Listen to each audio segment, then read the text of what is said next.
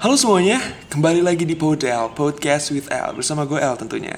So how's life teman-teman? Gue harap kalian semua sehat semua Keluarga sehat, orang tua kalian sehat Semuanya gue harap juga sehat semua. So meskipun juga mungkin di antara kalian ada yang belum baik-baik aja Tetap semangat teman-teman. Karena apa?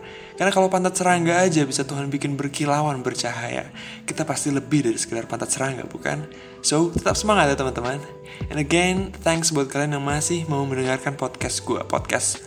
Podcast with Al ini. Ya Budel you guys are awesome. Thank you thank you. So ini adalah hari Sabtu dan gue pengen ngomongin teknologi nih. Langsung aja teman-teman nggak nggak panjang lebar. Ada beberapa hal yang cukup menarik dari dunia komputer yang pengen banget gue omongin. So without any further ado let's get into it. Kembali lagi yang pertama Xiaomi. Udah tiga episode gila teman-teman. Udah ini minggu ketiga oh, btw ya, gue gak nyangka ya Podel bisa bertahan sampai tiga minggu ini dan akan terus bertahan karena gue adalah orang yang akan terus melakukannya. Oke, okay, anyway, ya tiga minggu tiga episode mengenai teknologi, tiga tiganya dibuka dengan Xiaomi. So, so first of all, I wanna say this to Xiaomi. So Xiaomi, thank you. Um, until now, you have done a lot of things that makes this competition becomes more interesting, especially if you talk about your smartphone. You guys over something a lot of good values that actually beyond your price range compared to the others. But this time, your monitor, I really want to say this. Okay. Tentang monitor, tentang monitor Xiaomi. tentang monitor Xiaomi. Aduh, belepotan banget. Siap. Tentang monitor Xiaomi. So, congrats buat Xiaomi uh, yang sudah merilis monitor secara resmi di Indonesia. Congrats buat kalian. Akhirnya yang ditunggu-tunggu. Kok lemes banget ya? Akhirnya yang ditunggu-tunggu buat para fans Xiaomi di Indonesia. Xiaomi merilis komputernya, khususnya monitornya di Indonesia. Pasti Xiaomi fans, ya fans Xiaomi di Indonesia senang banget nih. Tapi apa iya senang banget? Hmm, saya nggak nggak begitu deh. And here's why Xiaomi merilis secara resmi monitor ultrawide-nya. Ya varian pertama yang saat ini rilis secara resmi itu yang ultrawide yang 34 inch yang rasionya 21 banding 9 yang sangat-sangat cocok dipakai buat content creator atau mungkin orang yang suka ngedit video karena layar ultrawide itu sangat enak buat ngedit timeline di uh, Adobe Premiere Pro. So ya, yeah, anyway, Xiaomi merilis monitor yang resmi, secara resmi yang ultrawide-nya. Varian seenggaknya yang pertama yang ultrawide-nya yang 34 inch dengan harga kurang lebih 7 juta mungkin to be exact sekitar 6,7 sampai 6,8 ya. Pokoknya 6,8 sampai 7 juta lah. Di saat kita memutuskan untuk membeli uh, itu secara resmi. Kurang lebih harganya segitu. Kenapa Xiaomi gue bilang Xiaomi fan di Indonesia fan Xiaomi di Indonesia nggak begitu senang oke harganya yang resmi adalah 7 juta Sedangkan kalau kita memutuskan untuk beli yang non resmi dari e-commerce ya, let's say Tokopedia atau JD.com dari China nya langsung di uh, shipping ke sini, itu harganya kurang lebih 5,5 juta. So harganya ada kurang lebih ada perbedaan sekitar 1,5 juta, which is itu banyak banget teman-teman. Buat monitor 1,5 juta tuh udah lumayan banget banyaknya. Dan itu bahkan bisa dapat satu monitor lagi 24 inch 75 Hz yang which is layarnya juga udah bagus bisa dipakai buat ngedit. Anyway, 1,5 juta itu tetap sangat banyak perbedaannya. Dengan spek yang sama, karena yang varian monitor yang sama, 21 banding 9, rasio layarnya, high refresh rate di 144 Hz, QHD atau 2K, 2560 x 1440. So, kalau kita lihat kompetitornya Gigabyte dengan segmen monitor yang sama dengan ya 34 inch ultra wide 21 banding 9 high refresh rate dari merek Gigabyte itu harganya memang sih 8 juta sampai 9 jutaan. Samsung Bahkan di dengan varian Odyssey yang varian gaming yang paling tingginya itu bahkan bisa 10 juta lebih. MSI pun juga sama. Well, that looks like Xiaomi didn't do anything wrong with that price. I mean like 7 juta kalau dibandingin varian dari kompetitornya jadi terlihat murah ya. Tapi kalau kita lihat ke kompetitor yang lain yang lebih make sense, kayak banyak brand monitor di Indonesia yang masuk seperti AOC contohnya, AOC dan Lenovo. Harganya kurang lebih sama sih 6,8 juta speknya juga sama tapi garansinya 3 tahun men 3 tahun. Xiaomi cuma ngasih 12 bulan. Oke ini resmi 12 bulan garansinya. Tapi dibandingkan yang lain seperti AOC dan Lenovo contohnya dia 3 tahun men. Ya Xiaomi hanya setahun itu perbedaan yang sangat-sangat signifikan. Dua tahun itu perbedaan yang cukup lama teman-teman. Dan itu lumayan loh nambah garansi dua tahun tuh lumayan banget. Now that is what I'm talking about. Kalau Xiaomi yang pusatnya yang di pusatnya yang di China sana bisa mendapatkan untung dari penjualan yang dilakukan di e-commerce meskipun non resmi ya harganya di 5,5 juta itu Xiaomi juga udah dapat untung kenapa Xiaomi menjual yang resmi dengan menaikkan harga setinggi itu 1,5 juta men dari 7 juta well nggak ngerti lagi sih Business is business, my friend. It's all about money and Xiaomi understands that. Oke, okay. bisnis adalah bisnis. Ya, ya kapitalis, man. Ya, namanya juga bisnis, semua tentang uang. Ya, jadi emang Xiaomi pengen um, mengumpulkan dana lebih banyak lagi mungkin dari situ. Well, ya terserah sih emang Xiaomi yang punya uh, hak untuk menentukan harga ya udah gitu ya karena hal ini tentu aja fans Xiaomi di Indonesia cukup kecewa mengingat hype yang terbangun menunggu Xiaomi merilis secara resmi monitor di Indonesia tapi justru dibanting harapan tersebut dengan sikap kapitalis dari Xiaomi Well, kalau teman-teman bener-bener ngikutin ya, contoh, ya buat teman-teman yang sesama tech enthusiast emang ngikutin perkembangan monitor dan ya perkembangan dunia komputer pada umumnya lah ya, which is termasuk monitor juga. Xiaomi ini selalu ngasih value yang terbaik, yang dari yang terbaik di harganya ya dan vibe-nya ini terbangun terus menerus karena emang monitor Xiaomi yang lain tuh juga bagus-bagus banget di harganya ya. yang bahkan menyaingi harga-harga yang lain dari brand lain. Yang desainnya mewah dan minimalis um, mengadaptasi dari desainnya Dell dari Amerika tapi di modifikasi lagi sama Xiaomi. Pokoknya bagus dan value-nya bagus dan harganya itu juga bagus. Dan ini hype-nya terus terbangun karena awalnya kan belum resmi kan. Terus Alvinse sebagai uh, bos dari Xiaomi-nya tuh kayak dimention terus kayak ayo dong kapan nih resmi di Indonesia akhirnya resmi tapi harganya naiknya ya pokoknya naik lah gitu lah ya. Well at least Xiaomi resmi sekarang dan semoga um, varian monitor yang lain ke depannya dikasih harga yang lebih kompetitif sih. Karena memang itulah yang ada dari Xiaomi. Kan kalau kita lihat dari smartphone-nya selalu ngasih harga yang terbaik ya kan dibandingkan kompetitornya. So gue harap tentunya varian yang lainnya ya bisa lebih make sense lah harganya so itu adalah berita yang pertama kembali uh, lanjut ke berita yang kedua berita kedua ini gue pengen ngomongin laptop so untuk lebih tepatnya brand dari Lenovo so uh, sebelumnya gue pengen ngomong sesuatu I want to confess something. Xiaomi is always good to be fair, not gonna lie. But I've been a fan of Lenovo for quite a long time because of its keyboard. Maksudnya apa tuh? Ya, gue suka banget sama Xiaomi. Dan not gonna lie, Xiaomi itu brand yang sangat-sangat bagus. Tapi gue udah jadi fans Lenovo untuk waktu yang cukup lama ya kurang lebih 3 tahun, 5 tahun lah sampai 5 tahun. Karena apa? Karena keyboardnya teman-teman. So, maksudnya apa? keyboard Lenovo itu enak banget. Even buat varian low entry, even buat varian yang low entry yang murah ya, feel keyboardnya tuh tetap enak saat dipakai buat ngetik. Itu menurut gue gokil sih. Dan yang paling harus di highlight itu build quality-nya.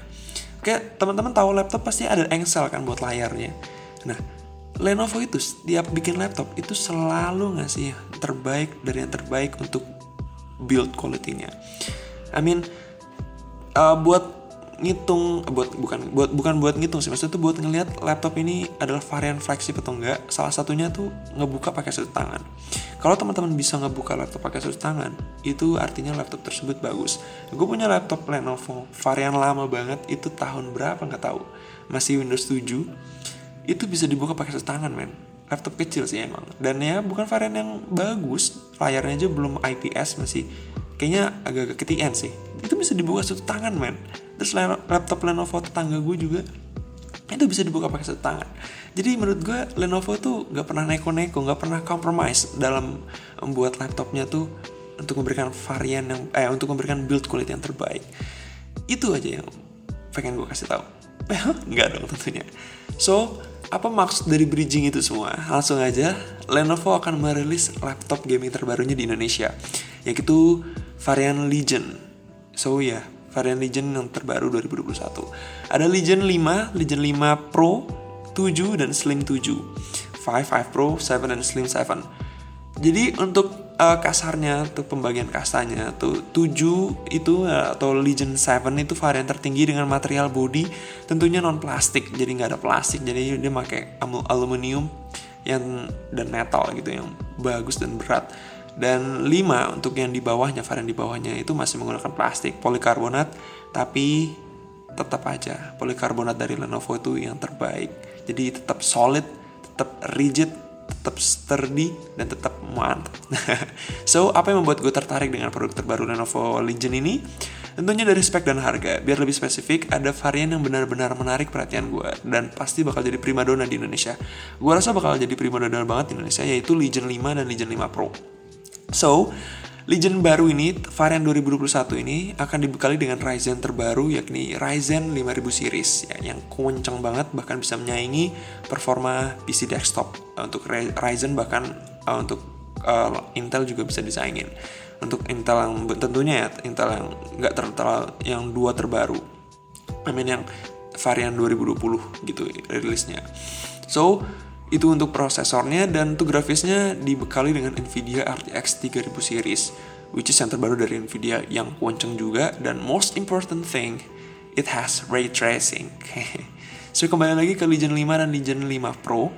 Secara garis besar speknya ya jeroannya sama sih. Ryzen 5000 series yang varian tertinggi pasti nanti menggunakan Ryzen 7 5800H H H series yang apa namanya varian tertingginya segmen tertingginya yang kok apa namanya TDP-nya tuh nggak dibatasin untuk low low watt gitu.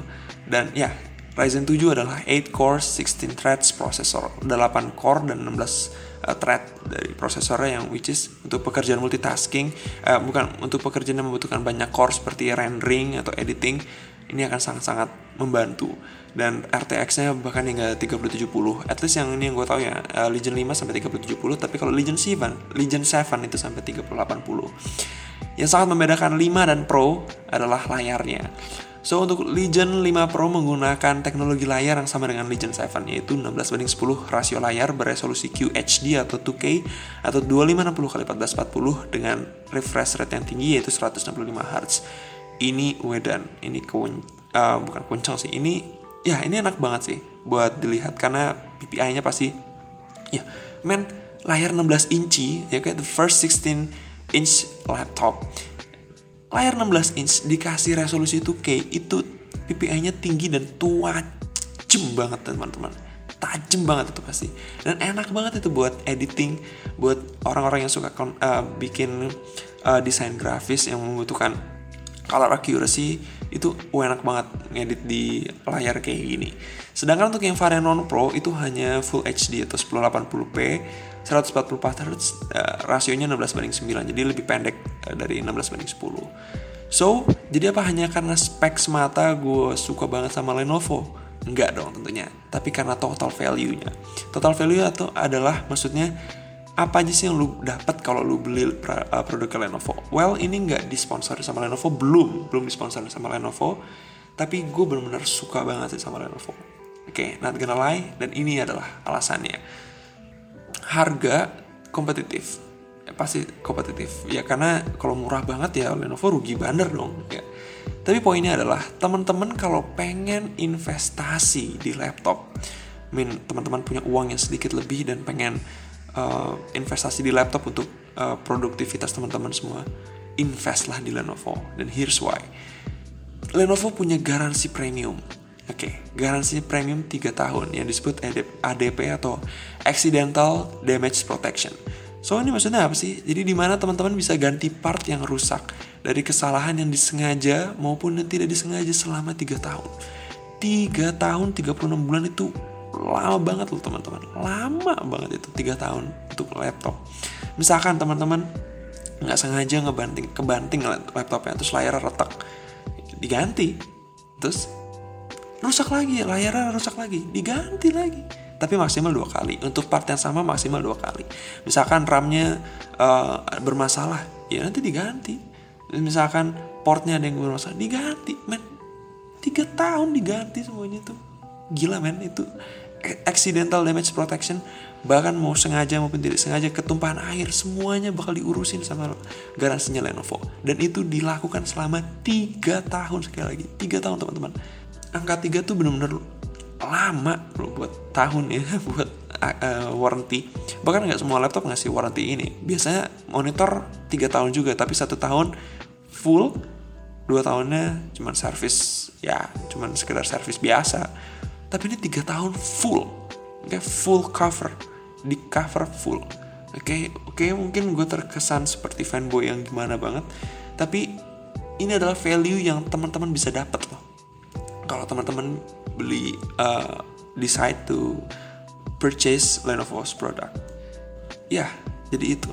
Dan lain selain itu laptop Lenovo juga ngasih Microsoft Office 2019 yang harganya tuh 1,8 juta lifetime. Bukan trial, bukan 3 bulan, 6 bulan, bukan setahun, tapi lifetime. Ini harganya 2 juta kurang 200. Ya, mahal, main mahal. Dan ini gratis dikasih sama Lenovo, man. Gila kan? Jo, investasilah di Lenovo. Lenovo ICU ya, untuk mungkin model saat ini belum. Xiaomi juga ICU, mungkin saat ini belum. Tapi suatu saat gue yakin pasti Lenovo dan Xiaomi bisa masuk model. Oke. Okay we'll see we'll see about that So itu aja teman-teman untuk episode kali ini. Gue harap teman-teman semua suka dan thanks banget sekali lagi gue sampaikan ke kalian buat yang mau mendengarkan sampai habis sama Tech Enthusiast. I really appreciate that. So, semoga ini cukup informatif dan gue El pamit undur diri sampai jumpa di episode berikutnya. Tuhan memberkati kita semua. Bye.